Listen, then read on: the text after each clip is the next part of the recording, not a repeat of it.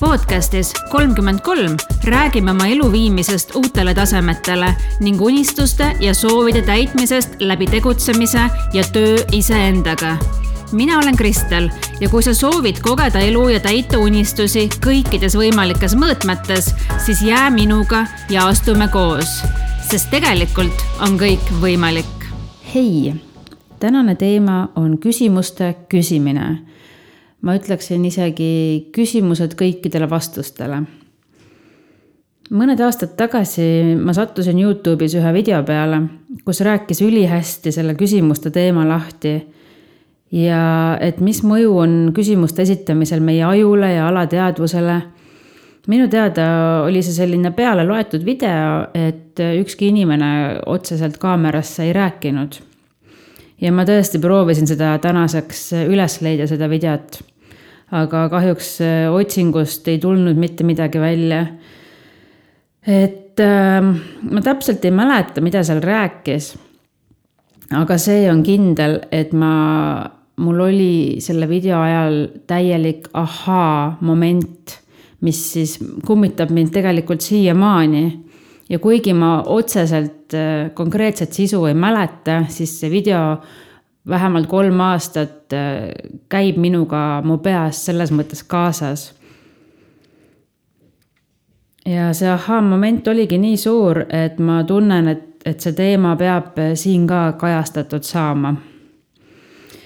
nimelt, meil on elus kalduvus otsida just pigem vastuseid ja me tunneme justkui me leiaksime rahu, kui meil on käes mingid konkreetsed vastused meid on üles kasvatatud teadmisega, et just vastus on see, mille sa pead äh, leidma, mida sa pead teadma, et sul peavad olema kõikidele küsimustele vastused.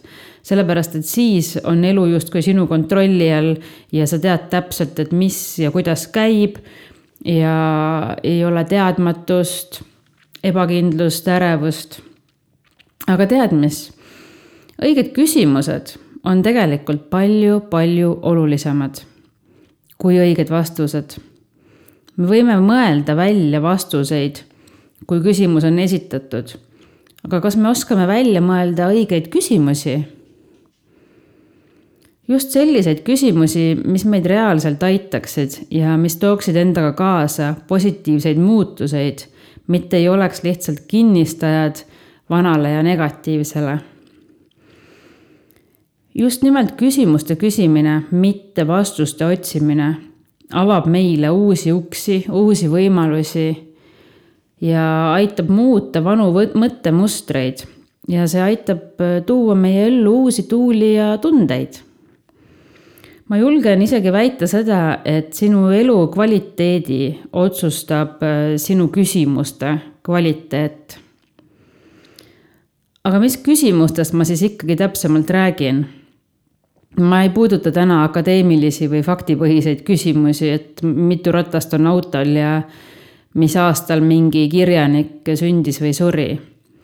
ma räägin küsimustest, millel on potentsiaali otseselt mõjutada sinu elu. kui me oma peas pöörlevatele küsimustele teadlikult tähelepanu ei suuna, siis on meil reaalne võimalus, on nendel küsimustel reaalne võimalus viia meid äh, oma tunnetega allakäiguspiraali. kas sa oled kunagi küsinud endalt näiteks midagi sellist? kuidas mul alati need äpardused juhtuvad? miks ma küll selline udupea olen? kuidas ma alati midagi maha unustan? Mik-, miks keegi mind kunagi ei kuula? miks mul alati raha nii ruttu otsa saab? Ma ei saa aru, miks ma alati hiljaks jään miks mul kunagi, miks mul kunagi niimoodi ei vea nagu mu sõbrannal? miks mul alati just õhtuti kõht tühjaks läheb, kuigi ma ei soovi õhtul hilja süüa? miks ma alati üle reageerin? paned tähele? sulle tundub, et sa oled tark ja saad oma käitumisest aru. näiteks see viimane, et miks ma alati üle reageerin, see peaks ju näitama, et sa teadvustad endale et oled emotsionaalsem, kui asi väärt on ja teed või ütled asju, mida tegelikult ei oleks vaja. seega loogilisele, loogilise järeldusena justkui tundub, et kui sa seda teadvustanud oled, siis see ju võiks su elus hakata paremaks minema. aga tegelikult selle kinnistava küsimuse esitamisega, miks ma alati üle reageerin sa just nimelt kinnistadki seda situatsiooni ja universum hakkab sulle tekitama veelgi rohkem põhjuseid üle reageerida. sellepärast, et seda sa ju küsisid, miks ma alati üle reageerin. kui vahel meil mõnel perioodil on mingid mured aktuaalsemad, siis me näiteks a la lebame voodis ja ketrame. et kuidas see probleem küll laheneb, aga mis siis saab mis, miks üldse on nii läinud või miks keegi mulle midagi tegi. aga mida sellisel juhul siis tegema peaks? sama temaatika küsimused võib äh, suunata lihtsalt teisele poole. sa ei ignoreeri oma muret, aga sa küsid endalt, et mis tunne on siis, kui see asi ära laheneb. mis tunne on, kui ma tean, et olen hoitud ükskõik mis mis tunne on, kui ma tean, et kõik juhtub minu kõrgeimaks hüvanguks? mida mu kõrgem mina soovib, et ma teaksin? kelle poole ma võiksin selle teemaga pöörduda? mis oleks järgmine samm, mida ma võiksin teha? ja üks mu lemmikuid küsimusi sellisel puhul oleks ka, et äh, mis on see, mis mul selles situatsioonis on siiani märkamata jäänud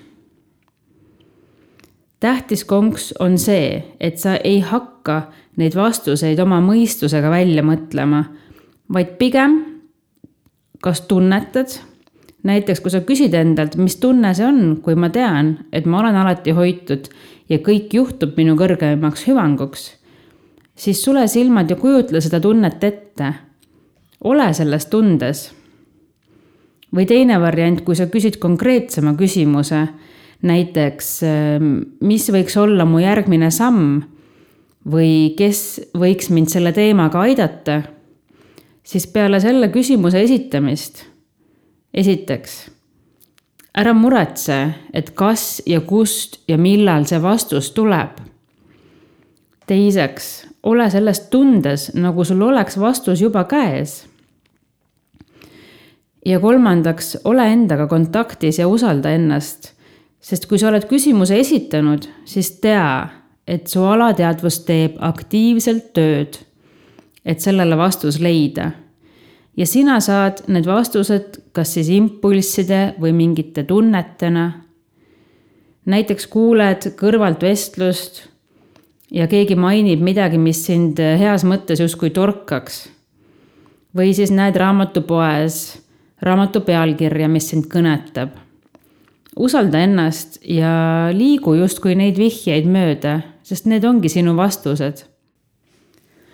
küsimuste esitamise mõte ongi selles, et panna nii-öelda taustal enda aju tööle lahenduse otsimise suunas ja usu mind, ta hakkab tööle. meie aju on nagu superarvuti, kellele meeldib vastuseid otsida, meeldib probleeme lahendada.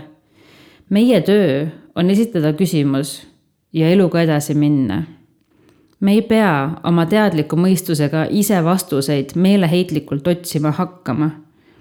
meie alateadvus on palju-palju targem kui meie teadlik teadvus. me peame lihtsalt olema usalduses, et vastus tuleb ja see tõesti töötab. proovi kindlasti järele, kui sa ei ole seda veel siiani teinud aga miks ta siis töötab, mis värk sellega siis ikkagi on? Värk on väga lihtne ja siin ei ole mitte midagi müstilist tegelikult. selle asja nimi on fookus. küsimustega me suuname oma fookust. näiteks kui sa ostad endale, ütleme, sinise Audi ja peale seda hakkad igal pool siniseid Audisid nägema või võtad endale mingit tõugu koera ja järsku tundub, et igalühel on seesama koer et on küll ilus mõelda, et universum hakkas müstiliselt just sinu teele tooma neid samu autosid ja koeri. aga tegelikult sa lihtsalt suunasid oma fookust. väliskeskkonnas ei muutunud midagi. väliskeskkonnas on kogu aeg kõik olemas, sinna ei teki ega kao midagi. meil on igal hetkel olemas kõik võimalused ja variandid, mille iganes teostamiseks. me suuname oma fookust. Ja seetõttu saavad muutuda ka meie kogemused ja meie elu. kõlab lihtsalt, aga raske koht ongi see, et enamikel inimestel enamus osa ajast see fookus nii-öelda suundub ise ja me ei kontrolli seda. ilma teadlikkuse ja iseenda juhtimiseta me oleme tegelikult väliskeskkonna lükata tõmmata. nii et fookus. Küsimustega saame me suunata fookust ja viia end samale tasandile, kus on ka meie lahendused. ja küsimusest sõltubki, kuhu see fookus täpselt läheb või milline see tasand on. ja ning meie muutunud fookus, see ongi see, mis suudab luua meile uusi kogemusi. sa võid valida küsida, miks ma alati üle reageerin. Või siis hoopis, miks ma iga päevaga järjest rohkem oma emotsioone kontrollida suudan kumb on avatum kumb viib sind uutesse positiivsetesse kõrgustesse? küsimused versus afirmatsioonid ehk siis positiivsed kinnistavad laused. võib tekkida küsimus, et, et milleks esitada küsimusi, kui saab öelda ka ju kinnistavaid lauseid ehk afirmatsioone, mis on meile kõigile väga-väga tuntud ja ja Youtube'id ja kõik muud portaalid on, on samuti neid lauseid täis, kui endal, endal parasjagu meelde ei tule. tulles siis tagasi selle ülereageerimise näite juurde, et äh, küsimuse esitamisel võib ju ka lihtsalt öelda endale, ma olen rahulik ja kontrollin alati oma emotsioone. samas mina usun seda ja ma olen seda enda peal tundnud et ma võin endale korrutada mingit lauset kas või tuhandeid kordi, aga kui mu alateadvus seda ei usu, siis see lihtsalt ei toimi. surve avaldamisega on juba kord nii, et mida rohkem sa mingit asja surud ja survestad, seda rohkem see ju surub vastu. Ja vahel korrutad endale päevade kaupa midagi, aga siis saad aru, et oled päriselus ikkagi sellest nii kaugel ja tekib hoopis frustratsioon või lootusetuse tunne. küsimuste puhul seevastu sa ei väida ega ürita ennast uskuma panna, et miski on tõsi, mis seda tegelikult veel ei ole. sa lihtsalt esitad avatud küsimuse. miks on elu mulle nii lihtne? Miks mul kõik alati õnnestub? kuidas mu teele alati õiged inimesed satuvad? miks mu töö mulle nii väga meeldib. miks ma armastan oma tööd nii palju? miks mulle meeldib vara ärgata? miks mulle meeldib teha tervislikke toiduvalikuid? miks mul tuleb alati nii palju loovaid häid mõtteid? Küsimus annab ajule ülesande tulla välja lahendusega. ja isegi siis, kui sa küsimuse ära küsid ja siis lihtsalt muude asjadega tegelema hakkad. see jääb su alateadvusesse ketrama, tahad sa seda või ei. ja sel puhul on see just väga hea. näiteks kui afirmatsiooni peale su alateadvus vastab, et ei ole sa midagi nii rahulik ja nii rikas ja nii õnnelikus suhtes või mida iganes sa endale soovid. ja teema saab lõpetatud, siis küsimuse peale hakkab aju aga lahendust otsima. nagu ma juba mainisin, siis ajule meeldib probleeme lahendada ja aju tahab kogu aeg midagi järada ja pureda. Sellepärast meil ongi ju nii palju sundmõtteid ja mõtteid minevikust ja olukordadest, mida juhtunudki ei ole ja ka väljend monkey mind on kindlasti teile väga tuttav. avatud küsimuse küsimine paneb meie kujutlusvõime mahlad voolama kui me üritaksime teadliku mõistusega oma küsimustele vastuseid välja mõelda, siis heal juhul tuleme viie-kuue võimaliku stsenaariumi peale. aga tegelikult on võimalikke asjade käike elus ju lõputult. lihtsalt me ei suuda neid oma mõistusega kunagi ette näha ja välja nuputada. kui ma otsisin sellele küsimuste teooriale ka doktor Google'ilt natukene äh, sellist asjalikumat põhjendust nii-öelda, siis kusjuures selle ma ka väga lihtsa vaevaga leidsin. nimelt vabaneb ajus küsimuse esitamise korral serotoniini. serotoniin on ajukemikaal, mis mõjutab tuju ja seda, kuidas elektriimpulsid ajus levivad. ja peale seda aju lõdvestub ning hakkab kasutama kogu oma potentsiaali, et lahendus, lahendustega lagedale tulla. kas see ei ole mitte vägev? õigesti esitatud küsimus on nagu võluvits, mis äh, aju meile kasulikult tööle rakendab. ma leidsin ka ühe video, kus Mindvalley asutaja Vishen Lakiani küsimuste küsimisest räägib. küsimused, mida tema endale esitab, on näiteks. miks mul on oma lastega nii head suhted? miks ma armastan neid inimesi, kellega ma koos töötan miks mul on kaks New York Timesi bestseller raamatut, kusjuures tegelikult tal on, vähemalt selle video tegemise ajal tal oli üks. ma ei ole kindel, kas tal on vahepeal juurde tekkinud, aga igatahes äh, ta küsis, miks mul on kaks. kuigi sellel ajal oli üks, mis tähendabki seda, et äh, see küsimus esiteks tõstab ta identiteeti ja teiseks paneb aju aju mõtlema lahendusi, kuidas saada kaks New York Timesi bestseller raamatut.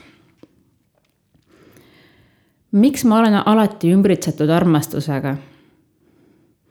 ka sellise küsimuse puhul aju hakkab otsima tõendeid, põhjuseid, põhjendusi, kõiki neid häid asju, miks sa oled alati armastatud ja ümbritsetud armastusega ta küsib neid küsimusi, nagu ma juba mainisin, sellepärast et äh, need aitavad viia su identiteedi uutesse kõrgustesse. sinna, kus, kus see veel olnud ei ole, sellepärast et sul ei ole hetkel võib-olla oma päriselust, minevikust võtta ühtegi tõendit äh, selle identiteedi kohta, mida sa tegelikult endale soovid. ja nagu ma selles identiteedi episoodis mõni osa tagasi ka rääkisin, siis sa oledki see, kellena sa iseennast suudad näha. pelgalt millegi tahtmisest meile ei piisa.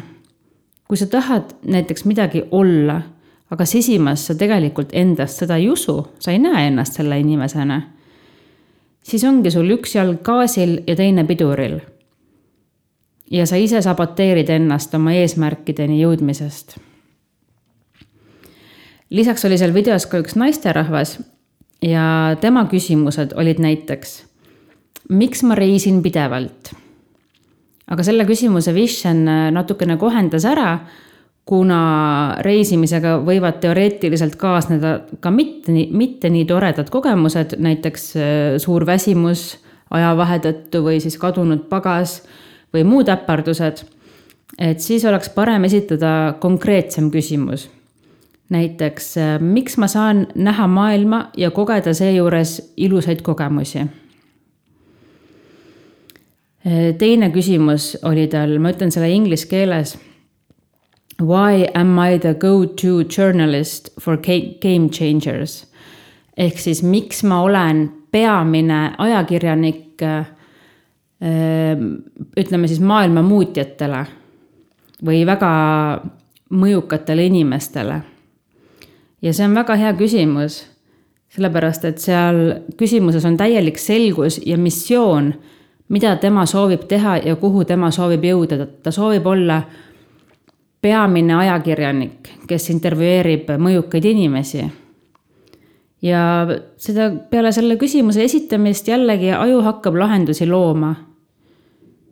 E-, et saaks seda ellu viia, näiteks äh, komistad raamatu otsa, mis, mis sind edasi aitab või vajalikku uut infot annab.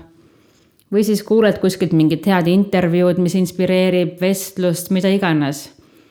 ajul lähevad nii-öelda tundlad püsti ja ta hakkab sellele küsimusele otsima vastuseid, et miks just mina olen see ajakirjanik, kelle juurde kõik maailma muutjad tulevad.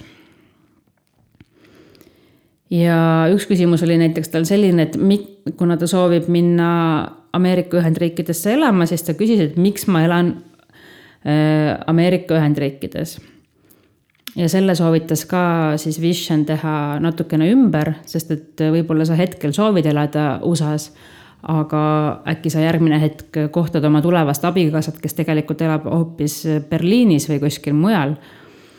et siis on hea küsida näiteks niimoodi, miks ma elan just endale perfektses linnas. küsimusi on hea kasutada ka siis kui sa alles otsid oma kirge või hobi või tegevusala.